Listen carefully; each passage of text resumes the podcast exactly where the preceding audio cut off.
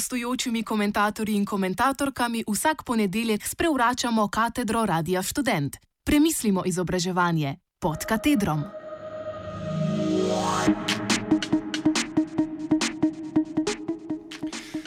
Ko bom velik, bom prekarec.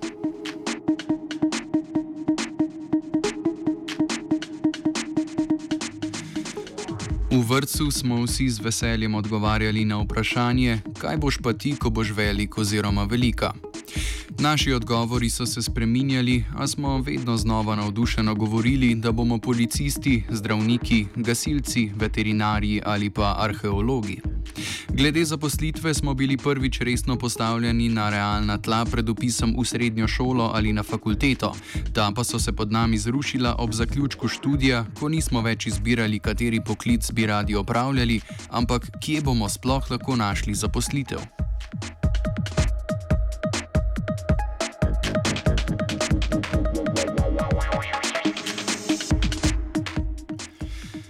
Večina mladih je po zaključku študija potisnjenih v prekarne oblike dela. Po uradni definiciji je prekarni delavec tisti, ki opravlja delo redno zaposlenega delavca, čeprav ima z delodajalcem sklenjeno pogodbo civilnega ali avtorskega prava. Tako delavec opravlja delo v prostorih delodajalca z njegovo opremo in pod njegovimi pogoji, ob tem pa mu delodajalec nalaga delo, določa delovni čas in lahko kadarkoli brez obveznosti prekine sodelovanje z njim. To pa ni samo zelo negotova oblika dela, ampak tudi krši zakonodajo natančneje krši zakon o delovnih razmerjih v 13. členu.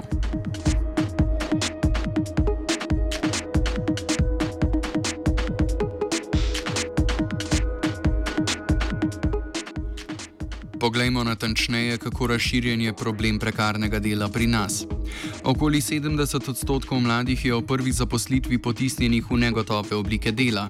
To ne pomeni, da od teh vsi delajo v prekarni obliki dela, ampak da nimajo sklenjene pogodbe za nedoločen čas.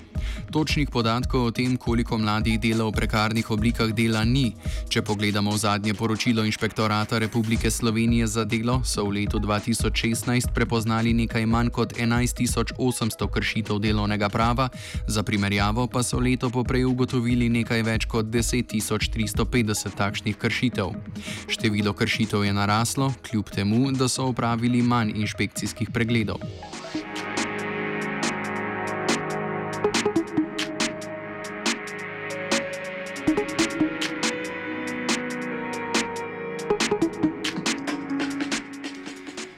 Kršitev prepovedi opravljanja dela na podlagi pogodb civilnega prava ob obstoju elementov delovnega razmerja, torej prekarnega dela, so inšpektori v letu 2016 izrekli 160 podjetjem, kar je skoraj enako število kršitev kot leto poprej. To problematiko inšpektori označujejo kot enega izmed njihovih največjih izzivov na področju nadzora delovnih razmerij. Ob ugotovitvi nepravilnosti so do sedaj delodajalcu izrekli denarno kazen v višini od 3 tisoč do 20 tisoč evrov in do odprave nepravilnosti prepovedali sklepanje pogodb med delavcem in delodajalcem za prekarno obliko dela. To pa v praksi pomeni, da delavci ne želijo prijaviti svojega delodajalca, ker lahko tako izgubijo službo. A to se je spremenilo 21. oktober, ko je v veljavo stopil zakon o spremembah in dopolnitvi zakona o inšpekciji dela, ki ga je državni zbor potrdil konec septembra letos.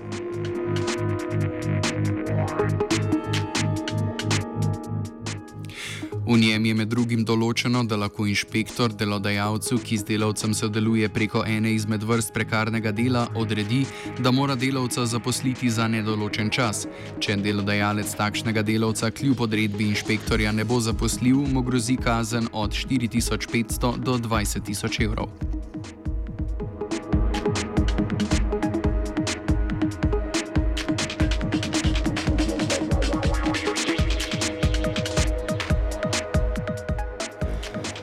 Kljub temu, da se o prekarnem delu in o nevarnosti tega govori veliko, da o tem poslušamo na različnih okroglih mizah, da na to opozarjajo sindikati in da so ne na zadnje pred kratkim opozarjali tudi predsedniški kandidati, pa oblika takega dela narašča. Veliko mladih se zaveda posledic takšne oblike dela, a na koncu še vseeno sklenejo tako pogodbo, ker so v to prisiljeni. Pristanejo na to, da postanejo delavci brez pravic. Thank you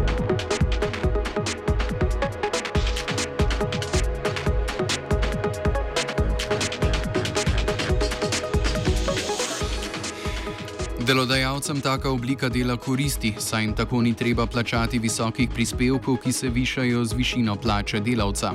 Če vzamemo za primer minimalno slovensko plačo, ki trenutno znaša nekaj centov manj kot 805 evrov bruto. Delavec v osnovi dobi plačo v višini 570 evrov neto, za kar mora delodajalec odšteti nekaj več kot 930 evrov. Če, le, če delodajalec delavcu preko SP-ja ponudi 1000 evrov na mesec, plača v primerjavi z minimalno sicer izgleda višja, a ko odštejemo vse, kar mora samo zaposleni plačati sam, lahko na koncu meseca pridemo tudi pod minimalno plačo. Tu pa nismo upoštevali še vseh pravic, ki pripadajo redno zaposlenemu delavcu, kot so regres, malica, prevoz in različni dodatki za nedeljsko delo oziroma delo o praznikih. Te ni vredno zanemariti, saj lahko doprinesejo kar nekaj k njihovi plači.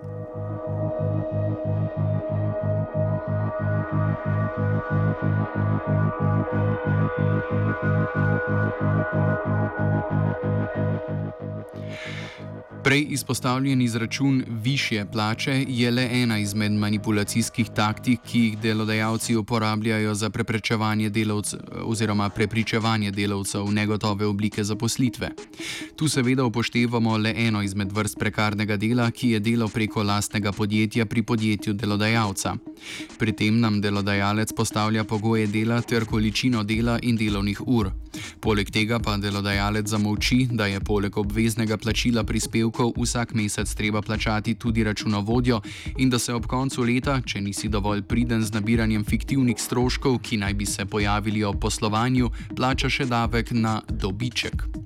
Ključnega pomena je tudi dejstvo, da je, če zboliš, si vzameš kakšen dan dopusta ali pa zaradi katerega drugega razloga ne narediš zadostnega števila načrtovanih ur, plačilo manjše, višina prispevkov za socialno varnost pa enaka.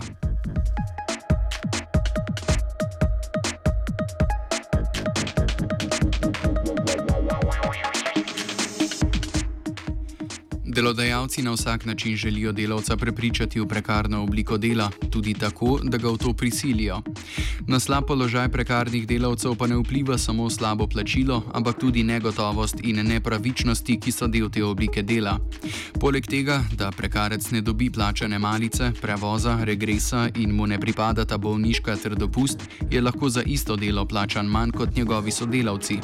Najbolj problematično pa je dejstvo, da je stalno pod pritiskom za ohranitev ohranitev svojega delovnega mesta, ki ga lahko delodajalec prekine, kadar želi, brez odpovednega roka in brez izplačila odpravnine.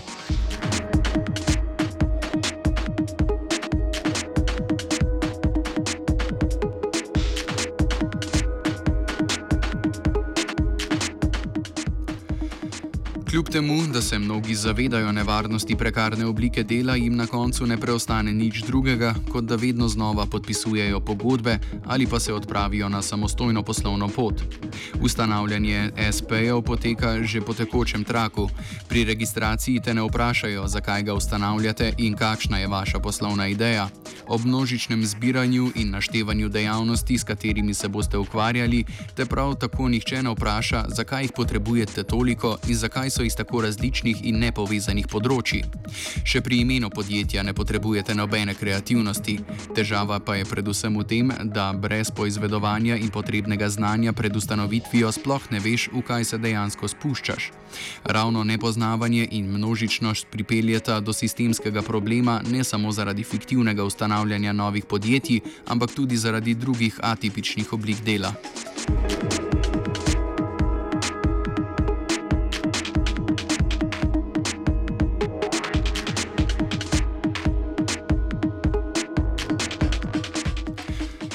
Prekarno delo nima slabega vpliva samo na posameznika, ampak tudi na celotno družbo.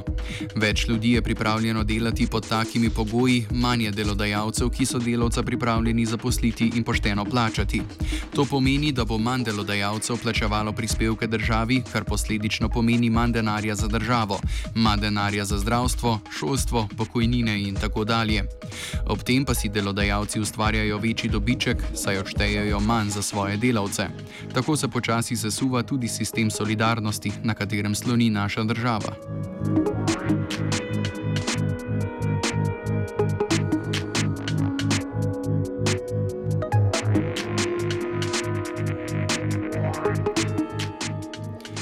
Kako pa se tema prekarnega dela povezuje s šolstvom in znanostjo? Za katedri se skrivajo prekarni delavci, ki nam predavajo, so asistenti pri kakšnem predmetu ali pa opravljajo znanstveno raziskovalno delo. Mednje spadajo asistenti, ki delajo v negotovih oblikah dela za nižje plače kot njihovi kolegi, prav tako pa tudi raziskovalci, ki se prebijajo iz projekta v projekt. Naraščanje prekarnega dela pa vpliva tudi na pretok denarja, ki iz gospodarstva polni državno blagajno, iz katere se črpa tudi denar za šolstvo in znanost.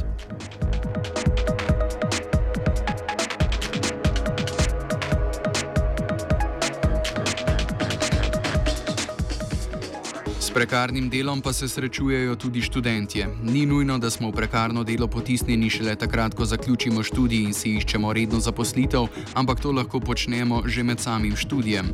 Če študentje delajo prek študentskih napotnic v večjem obsegu in pod enakimi pogoji kot zaposleni, ter to počnejo daljše obdobje, so po definiciji prekarni delavci. To pa počnejo bodi si zaradi večje potrebe po denarju, bodi si zaradi umetnega podaljšanja statusa za potrebe fleksibilnejšega in dostopnejšega dela.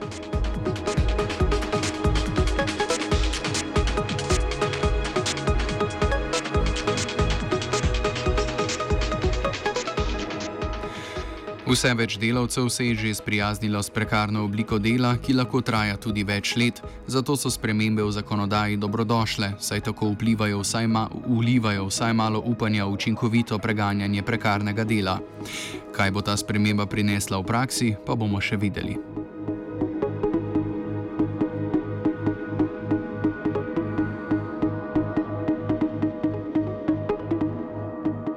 S prekarnostjo se bori tudi Amadeja.